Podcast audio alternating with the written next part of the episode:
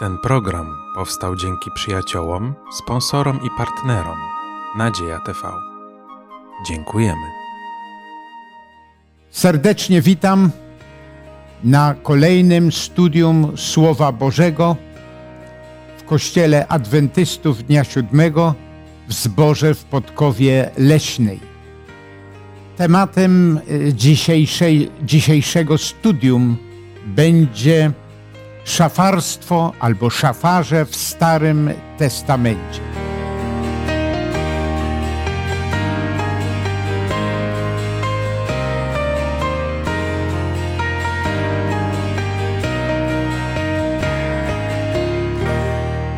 W dzisiejszym studium biorą udział Grzegorz, Maksymilian i ja mam na imię Władysław.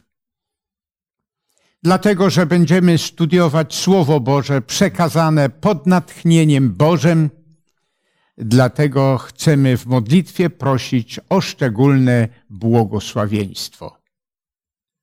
Dobry nasz Panie i Boże, dziękujemy Tobie za Twoje prowadzenie, za błogosławieństwa, jakich nam udzielasz, za to, że nas inspirujesz i za to, że nas wypełniasz mądrością.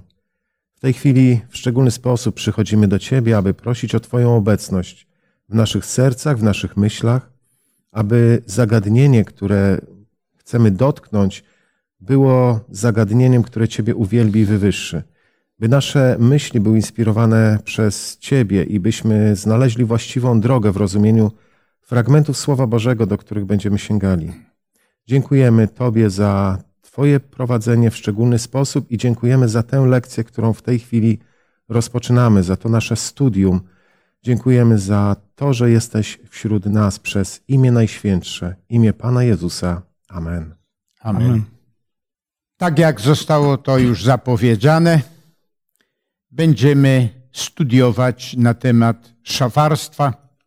Skoncentrujemy się przede wszystkim na szafarzach po Edenie, po opuszczeniu Edenu, czyli krótko mówiąc, po grzechu. Ale może jeszcze krótko podkreślmy, jak wyglądało szafarstwo jeszcze w Edenie przed pojawieniem się grzechu.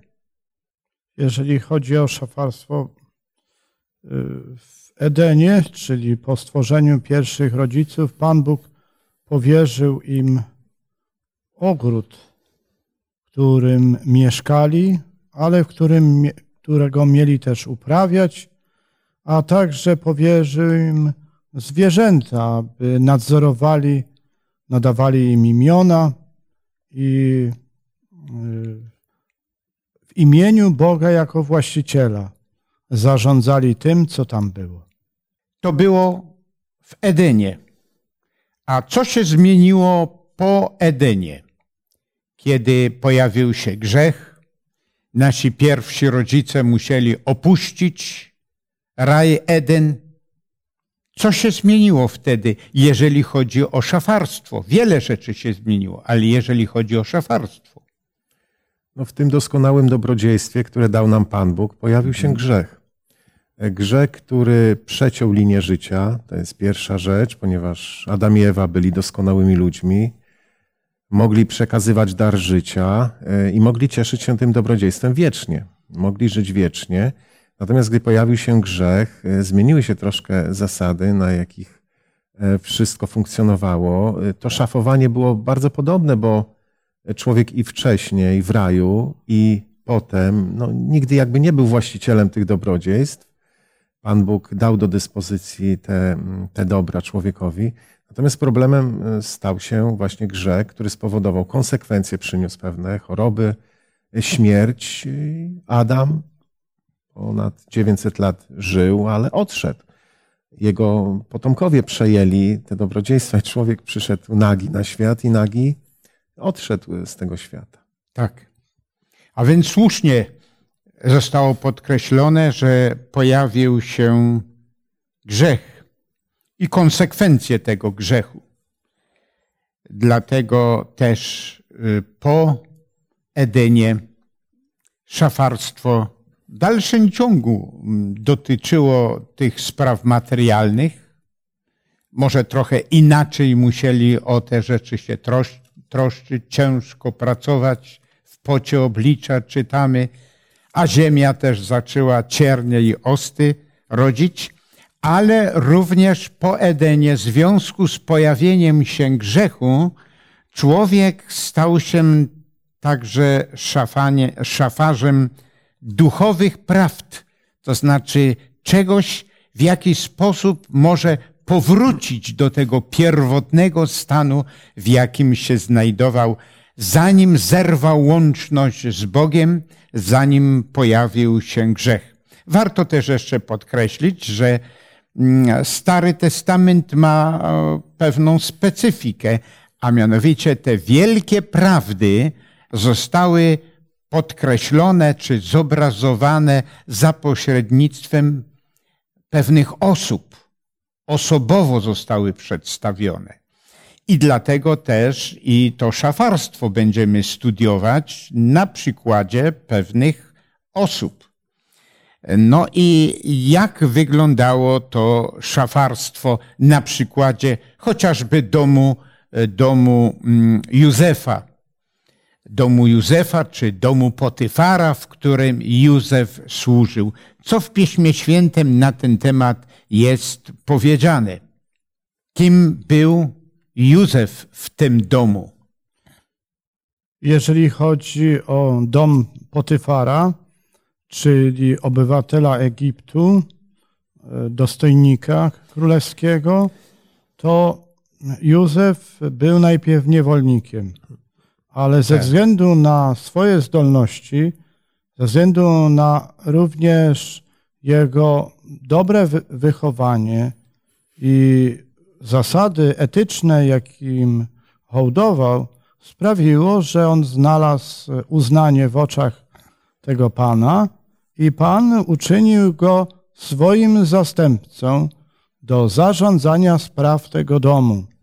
Co oznacza, że nie tylko pilnował, żeby w tym e, domu nie stało się niczego złego, ale również i pilnował tego, aby wszyscy pracownicy tego domu, czyli według e, biblijnego języka wszyscy słudzy, wykonywali swoje obowiązki należycie i rozdzielał im obowiązki, odbierał e, e, wykonanie tych obowiązków i dbał o wszystko, co w domu było, aby to nie ulegało niszczeniu, a służyło najlepiej e, e, jego mieszkańcom. Tak.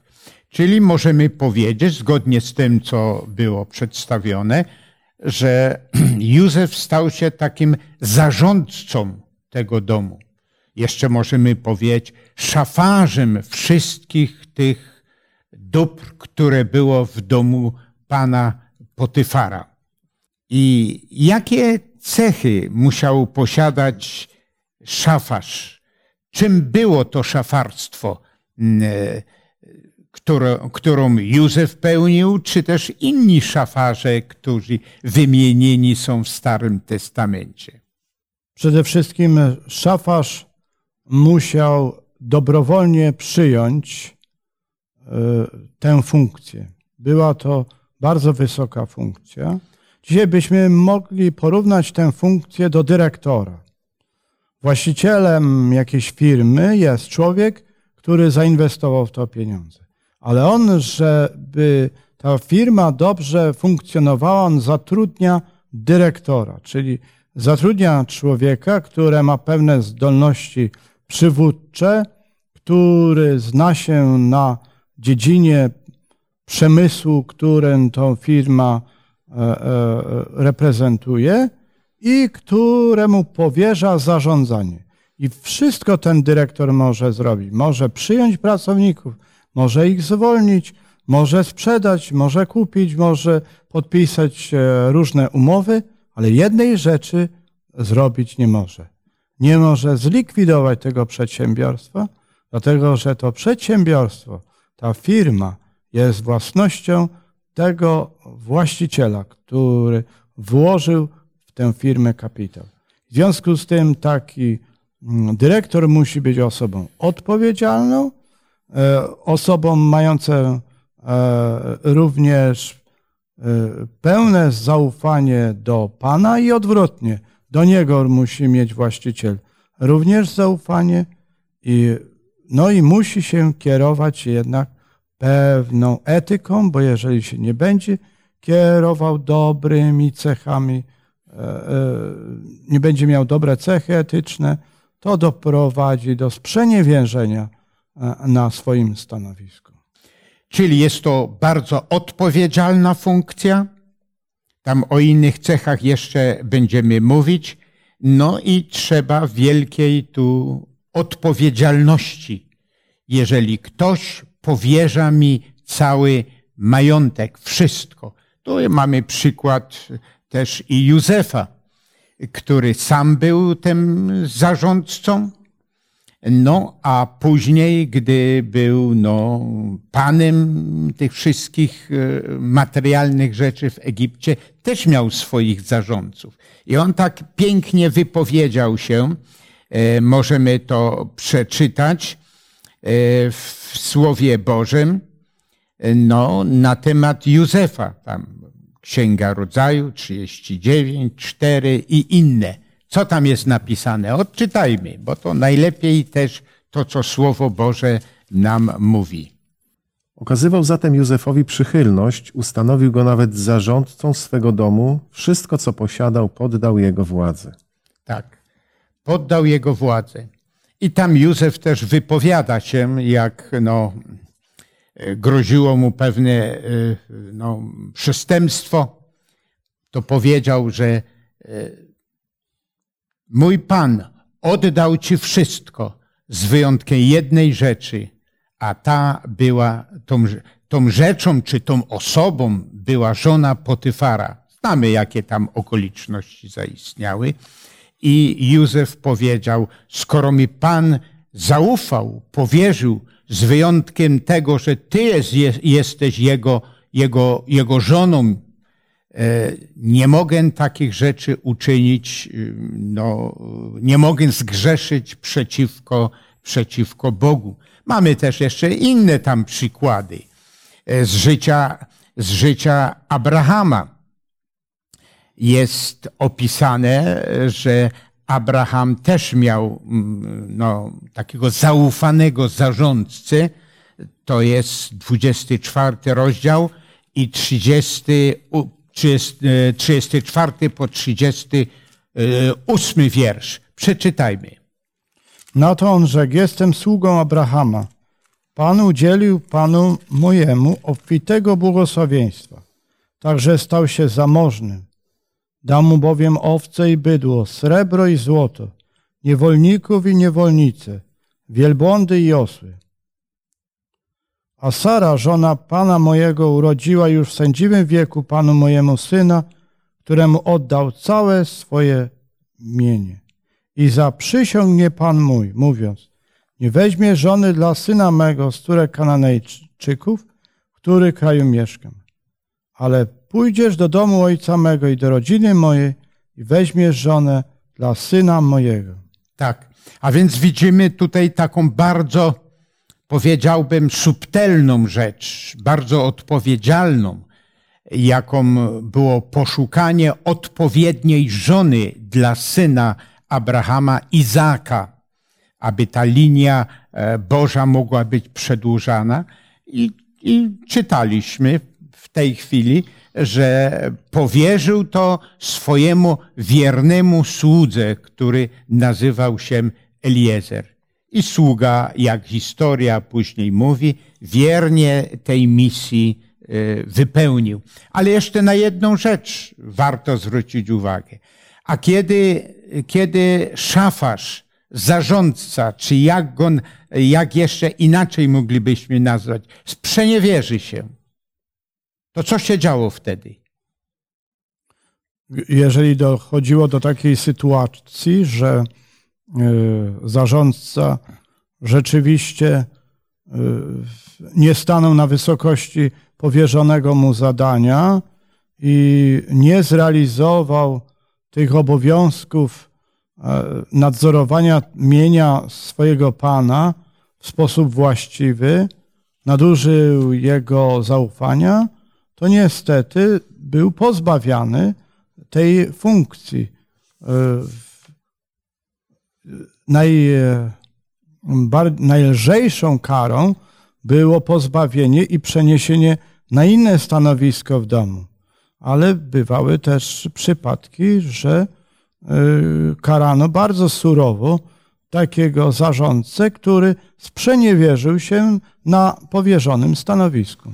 Tak, proszę bardzo. Jeśli można, dodałbym, e, dodałbym jeszcze do tych myśli, które, które wyraziliśmy tutaj, bo akurat dotknęliśmy dwóch zagadnień, dwóch przykładów e, Józefa i sługi Abrahama.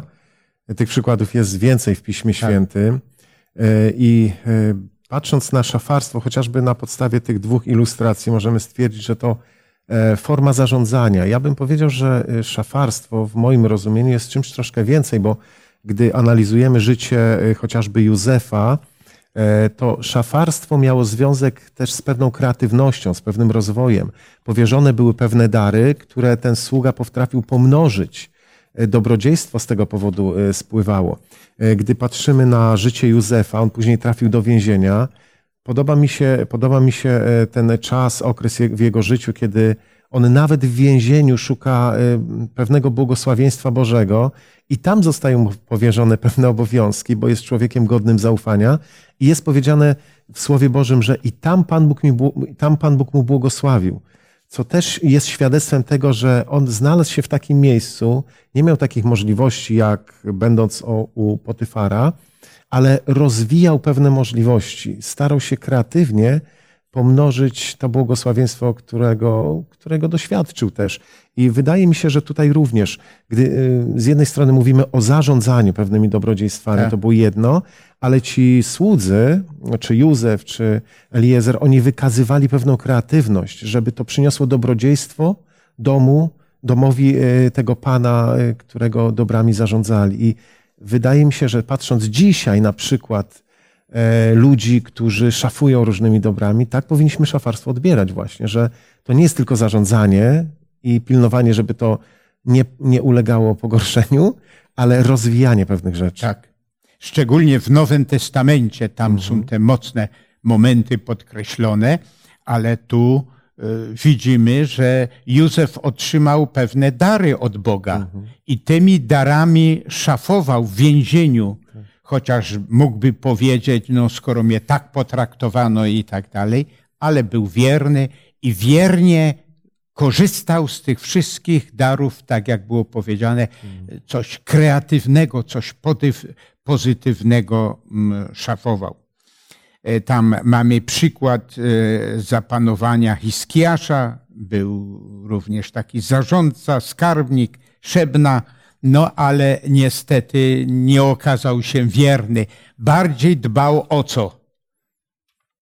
No, zadbał o siebie, tak. o swoją przyszłość, o sobie nawet e, grobowiec w górach mhm. zrobił i to nie za swoje pieniądze, tylko za pieniądze królewskie y, bez uzgodnienia z królem. No i niestety tego rodzaju postawa została przez y, Pana Boga również napiętnowana, y, a przekleństwo na niego spadło takie, że niestety w tym grobie nie został pochowany.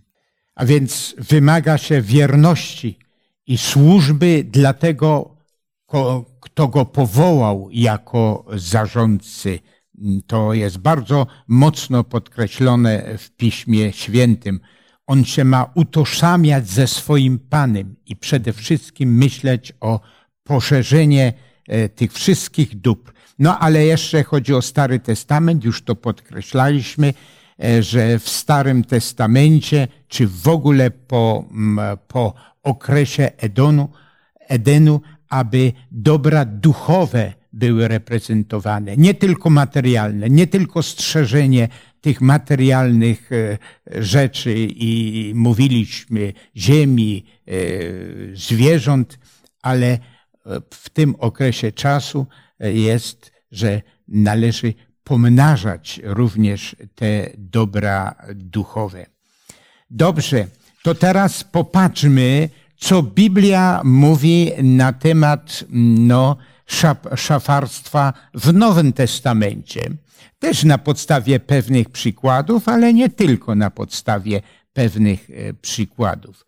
Tutaj możemy odczytać z Ewangelii Łukasza, 12 rozdział, 48, może Grzegorz odczyta, e, Maksymilian, pierwszy do Koryntian, czwarty rozdział i drugi wiersz. Przeczytajmy.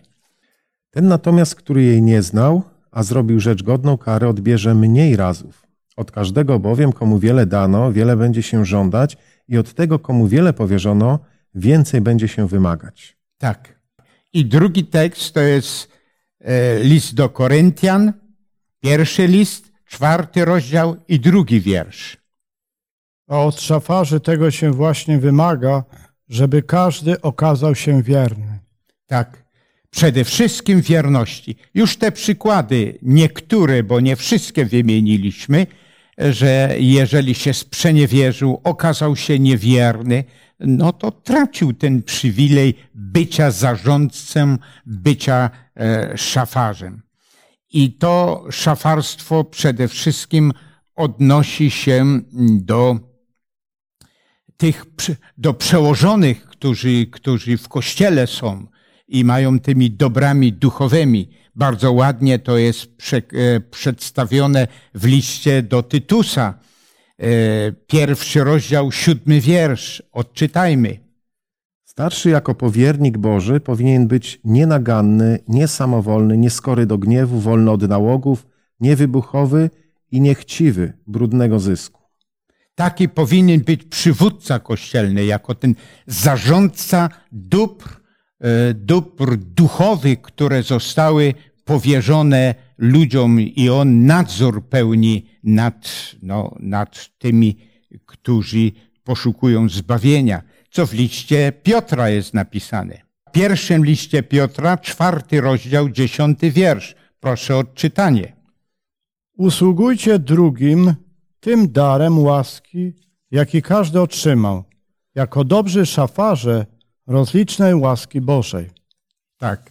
A więc usługujcie tym, tymi darami duchowymi, które otrzymaliście, jako dobrzy szafarze. Tak. I tu jest ta myśl, którąśmy już podkreślali, że w Nowym Testamencie nie dotyczy to tylko jakiejś troski o sprawy mm, materialne, ale również e, dobra duchowe, które zostały, e, zostały przekazane, aby byli wierni i przekazywali te rzeczy. Jezus Chrystus też wiele na ten temat się wypowiadał. E, też możemy to odczytać no, z Ewangelii Łukasza, 12 rozdział i 35 po 48 wiersz. Tam 45 jest najważniejszy. Zapnijcie pasy na biodrach i zapalcie lampy. Bądźcie gotowi i podobni do ludzi czekających na powrót swego Pana z wesela, abyście, gdy przyjdzie i zapuka do drzwi, natychmiast mu otworzyli. Szczęśliwi ci słudzy, których Pan w chwili przyjścia zastanie na czuwaniu. Zapewnia was, że opasze się fartuchem, usadzi ich przy stole, po czym podejdzie i będzie im usługiwał. Czy przyjdzie przed północą, czy przed czwartą nad ranem, szczęśliwi oni, jeśli ich tak zastanie. To zaś weźcie pod uwagę, że gdyby gospodarz wiedział, o której godzinie zjawi się złodziej, nie pozwoliłby włamać się do swojego domu. I wy bądźcie gotowi, gdyż Syn Człowieczy przyjdzie o godzinie, której się nie domyślacie. Wtedy Piotr zapytał, Panie, czy do nas skierujesz tę przypowieść, czy też do wszystkich? Pan odpowiedział, a kto jest tym wiernym i rozważnym rządcą, którego Pan ustanowił nad służbą w swoim domu, by jej rozdzielał zboże we właściwym czasie? Szczęśliwy ten sługa, którego Pan po powrocie zastanie przy tym zajęciu.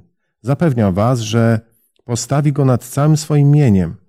Jeśli jednak ten sługa powiedziałby w swoim sercu, mój Pan zwleka z przyjściem i zacząłby bić młodszych służących i służące, jeść, pić i upijać się, wówczas gdy przyjdzie Pan w dniu dla sługi nieoczekiwanym i o godzinie dla niego nieznanej, Surowo go ukaże i potraktuje na równi z niewiernymi. Ten sługa, który znał wolę Pana, lecz nie poczynił przygotowań lub nie zastosował się do jego woli, odbierze wiele razów. Ten natomiast, który jej nie znał, a zrobił rzecz godną kary, odbierze mniej razów. Od każdego bowiem, komu wiele dano, wiele będzie się żądać i od tego, komu wiele powierzono, więcej będzie się wymagać. Jest przypowieść pewna o dwóch niewiernych sługach albo słudze, który też okazał się niewierny. To jest związane z tym największą obok e, prawdy o zbawieniu w Chrystusie, o Jego śmierci, e, na temat też e, tej, tej wielkie, wielkiego wydarzenia, którego się spodziewamy, to znaczy powtórnego przyjścia. Jeżeli nam się będzie wydawać, że to się od, odwleka, że może, może nie tak szybko będzie, a Jezus Chrystus apelował do czego? Abyśmy zawsze byli jakimi?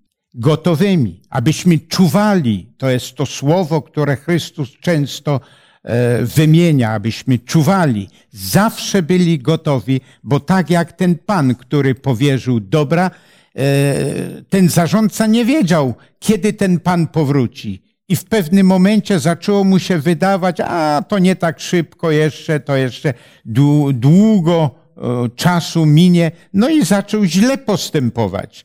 E, źle postępował też w stosunku do sług, któremu, które, e, którzy mu byli poleceni. No i widzimy, jaki tego konsekwencja była. Jaka była konsekwencja dla tego, który był wierny, oczekiwał, wpływał na innych, aby oczekiwali, a jaki niestety los spotkał tego, który niestety nie, mm, nie wypełniał swojej misji, do której został powołany. Ciekawe słowa też zapisane są w niektórych listach Pawła, a szczególnie w, liści, w liście do Kolosan. E, list do Kolosan, drugi rozdział, wiersze drugi i trzeci. Maksymilianie, przeczytaj. Aby pocieszone były ich serca, a oni połączeni w miłości zdążali do wielkiego bogactwa, pełnego zrozumienia, do poznania tajemnicy Bożej, to jest Chrystusa, którym są ukryte wszystkie skarby mądrości i poznania. Tak. A więc ta cała prawda duchowa, o zbawieniu w Chrystusie jest w Biblii napisana czym? Nazwana jest jak? Bożą tajemnicą. Bożą tajemnicą, którą jedynie Bóg może objawić. Człowiek na podstawie swojego zrozumienia nie może e, tego pojąć, zrozumieć, czy być o tym powiadomiony. A więc to jest tajemnica, którą Bóg objawia. Czyli to nie jest to nie jest własność tego, który ją przekazuje, ale jest to własność Boża. Tak samo w liście do e, Tymoteusza, trzecim rozdziale, szesnastym wierszu, podobno my czytamy, bo bezsprzecznie wielka jest tajemnica pobożności, czyli tajemnica, w jaki sposób możemy osiągnąć pobożność. Ten, który objawił się w ciele, został usprawiedliwiony w duchu, ukazał się aniołom, był zwiastowany między poganami, uwierzono w niego na świecie, wzięty został w górę do chwały. Tu jest podkreślona cała misja Jezusa Chrystusa, że to dla, dla człowieka było tajemnicą i jedynie jedynie e, Bóg mógł to objawić i Bóg objawił, czyli nie możemy, nie możemy tego traktować, tych skarbów e, tajemnicy Bożej, skarbów e, no, zbawienia jako nasz własne, bo to jest tajemnica. To nie myśmy doszli do jakiejś własnym rozumem, własnym mądrością do tego ale zostało to mm, objawione. Bardzo ładnie też to jest opisane w Ewangelii Jana. Pierwszy rozdział i pierwsze trzy wiersze, od pierwszego po trzeci. To przeczytajmy. Na początku było Słowo, Słowo było u Boga i Bogiem było Słowo. Ono było na początku Boga, wszystko dzięki Niemu się stało i z tego, co istnieje, nic się nie stało bez Niego. Tak, a więc jest opisane że na początku było Słowo, a tym Słowem był Bóg, A później e, w wierszu czternastym czytamy, a słowo ciałem się stało i zamieszkało wśród nas. Ujrzeliśmy chwałę Jego, jako ma jedyny Syn od Ojca pełne łaski i prawdy. A więc to jest coś nadzwyczajnego, co do człowiek by nigdy do tego nie doszedł, że, że, że Bóg, który był stwórcą, y, i następnie ten Bóg, który był stwórcą, narodził się jako człowiek. No i czytaliśmy w wierszu 14, że to słowo, które było u Boga i Bogiem było ono słowo, przez które się wszystko stało, zostało stworzone, to słowo następnie się stało ciałem, mieszkało między nami i mieszkając między nami, Jezus Chrystus, no, polecił to wszystko albo ofiarował e, dla nas. To jest ta wielka tajemnica, którą Bóg objawił. Gdzie tą tajemnicę Bóg objawił? W jaki sposób ją objawił? W pierwszej kolejności Bóg objawił całą tą tajemnicę patriarchom, a następnie objawił prorokom. W końcu przekazał osobiście Pan Jezus swoim uczniom, którzy jako apostołowie objawili ją następnym i były takie osoby, które spisały to wszystko, mhm. co było objawione tym ludziom. I dzięki temu, że to zostało spisane, a następnie tłumaczone i przepisywane, to słowo, ta tajemnica jest znana e, e, również ludziom współczesnym, którzy chcą po to Pismo Święte sięgnąć. Tak. I dlatego słusznie jest podkreślone, że to zostało w nadnaturalny sposób objawione. Bo jeszcze raz możemy podkreślić, człowiek by własnym rozumem nigdy do, do tego nie doszedł, że to zostało objawione. Czyli ta cała wiedza o zbawieniu, którą mamy, której mamy być dobrymi szafarzami, to jest wiedza, która pochodzi od Boga. Bóg jest jej właścicielem i dlatego, jeżeli ją przekazujemy, to jako wierni szafarze, zgodnie z tym, co jest zapisane w Piśmie Świętym, e, pod kierownictwem Ducha Świętego, mamy to wiernie e, wypełniać. I dlatego to już w Księdze Starego Testamentu, e, w Księdze Hioba, w rozdziale 11 i 7 jest taka myśl zawarta, możemy to tylko przypomnieć. Czy możesz zgłębić tajemnicę Boga? Stawia pytanie, czy ty możesz zgłębić tajemnicę Boga? Nie.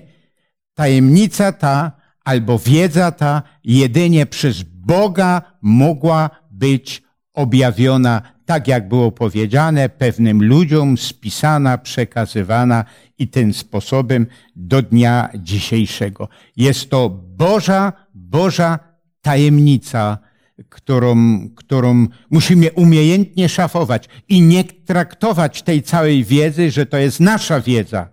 Myśmy głęboko myśleli, mamy genialny umysł i do tegośmy doszli. Nieprawdą. To jest tajemnica objawiona przez Boga, no i jako Bożą tajemnicę, jako Bożą wiedzę musimy wiernie, wiernie e, wypełniać. E, tam w Księdze Powtórzonego Prawa, 29 wierszu i 28 jest powiedziane e, wyraźnie, że rzeczy tajne należą do Boga, a jawne należą do nas. Ale to, to, mm, to tajne rzeczy, co Bóg objawił, jeszcze raz podkreślamy, to nie jest nasza wiedza. I dlatego e, Słowo Boże apeluje do nas, abyśmy e, no, byli dobrymi szafarzami tych wspaniałych Bożych tajemnic. E, w liście do Tymoteusza przeczytajmy te słowa, one są bardzo istotne, bo najważniejsze to jest to, co Słowo Boże mówi. Pierwszy list do Tymoteusza, trzeci rozdział i dziewiąty wiersz. Przeczytajmy. Pierwszy list do Tymoteusza, trzeci rozdział i dziewiąty wiersz. Zachowujący tajemnicę wiary wraz z czystym sumieniem. Tak, tajemnicę wiary wraz z czystym sumieniem.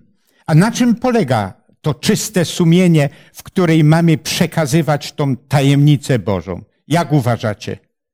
No na pewno pojednanie z Bogiem. Trzeba być pojednany z Bogiem, bo bez grzechu nie, jest, e, nie jesteśmy, grzeszymy, ale e, to jest właśnie taki pokój z Bogiem, jaki mamy i pokój z drugim człowiekiem. E, wyznajemy grzechy. I tutaj no, w nawiązaniu do tych tajemnic, bo z jednej strony mówimy o tym, że właścicielem wszystkich dóbr jest Pan Bóg, jak najbardziej. Ja się z tym w pełni identyfikuję i zgadzam. E, ale są pewne rzeczy, którymi właścicielami jedynie my jesteśmy jako ludzie, bo Pan Bóg na pewno nie przyzna się do złych szafarzy i ich złych żyć, złego życia. Pan Bóg nieraz grzmiał w Piśmie Świętym, chociażby w Księdze Izajasza czytamy, obrzydły mi wasze samaty, prawda? I chociaż mhm. Bóg jest dawcą życia, to jest dar od Pana Boga, szafujemy życiem, to my jesteśmy właścicielami naszych grzechów, naszych czynów. My za nie odpowiadamy i tak. Pan Bóg oceni te, e, te czyny. Mhm. Więc tutaj, gdy czytamy o tym e, czystym, e, czystym sumieniu, to czyste sumienie może być jakby w Chrystusie. Gdy my grzeszymy, upadamy, to przychodzimy po prostu z tym do Boga. Nie chodzimy gdzieś wewnętrznie z tym upadkiem, przychodzimy do Boga i prosimy o wybaczenie. Bóg nas oczyszcza. Tak. Czyli z czystym sercem. To znaczy, możemy nawet powiedzieć, sami z tej prawdy musimy najpierw skorzystać tak. ze zbawienia, z usprawiedliwienia, uświęcenia i właśnie w takim duchu również przekazywać innym. Sami ma, mamy być jakby takim dowodem, świadectwem mocy w tej tajemnicy, mocy, która polega na zbawieniu w Jezusie Chrystusie. Piękne słowa też napisał apostoł Piotr w pierwszym liście, pierwszym rozdziale i dwunastym wierszu. Oto czytamy takie słowa. Im to zostało objawione, czyli tu znów to jest podkreślone, coś mu mówili, że przez objawienie, nie przez własną mądrość, że nie sobie samym, lecz wam usługiwali w tym, co teraz wam zostało zwiastowane E, przez tych, którzy w Duchu Świętym zesłanym z nieba opowiadali wam radosną nowinę. A są to rzeczy, które, w które sami aniołowie wejrzeć pragną. Czyli znów jest podkreślone, zostało to objawione. I teraz chodzi o to, ta cała prawda o zbawieniu przez Ducha Świętego i jesteśmy powołani do tego, abyśmy tymi bogactwami, nie tylko materialnymi, ale te, przede wszystkim bogactwami duchowymi, y, no, mm, w jakiś sposób szermowali, czyli przekazywali, a jest powiedziane, że są to tak wielkie prawdy dotyczące zbawienia tych wartości duchowych, że nawet aniołowie w, w niebie pragną E, tych rzeczy dowiadywać się, zachwycać się tym. To jest, e, czy, czyż nie jest to wielki, wielki przywilej, jaki dostąpiliśmy, abyśmy byli szafarzami tajemnic Bożych, abyśmy byli szafarzami tego, e, że Bóg Stwórca przyszedł, stał się człowiekiem, prowadził doskonałe życie, a następnie E, umarł na Golgocie, tam gdzie myśmy mieli umierać, zapłacił cenę, abyśmy mogli dostąpić chwały i zbawienia. A są to tak wspaniałe, jeszcze raz podkreślam, rzeczy, w które nawet sami aniołowie pragną, istoty niebieskie pragną wejrzeć. Co za wspaniałe przywileje zostały dane dla nas, ale co za wspaniałe przywileje, abyśmy tymi bogactwami, bogactwami chwały Bożej szermowali, przekazywali je innym, którzy jeszcze nie wiedzą. Oby Pan dopomógł nam, skoro to, te rzeczy znamy, studiujemy, abyśmy wiernie to czynili i aby wiele ludzi o tym się dowiedziało i skorzystało z prawdy o zbawieniu. Podziękujmy Panu za to w modlitwie, za te wspaniałe bogactwa nam objawione przez Boga i abyśmy też pozostawali wierni przekazywaniu tych prawd. Niebieski Ojcze, dziękujemy Tobie, że możemy rozważać Twoje święte słowo. Dziękujemy Ci za to, że objawiłeś te tajemnice już patriarchom, prorokom, apostołom i wszystkim innym osobom, które z wdzięcznością je przyjęły. Panie Jezu, sprawa, byśmy my również mogli poważnie wziąć do serca to słowo Twoje, te obietnice, a także i te wskazówki na drogę naszego życia. Pomóż nam być wiernymi szafarzami dóbr Twoich, jak materialnych, tak i niematerialnych, jak tych, które dotyczą naszego życia doczesnego, a również i tych, które dotyczą życia wiecznego, nie tylko nas samych, ale również naszych bliskich i tych, z którymi się spotykamy. A tę prośbę i tę wdzięczność wyrażam w imię Ojca i Syna i Ducha Świętego. Amen. Amen.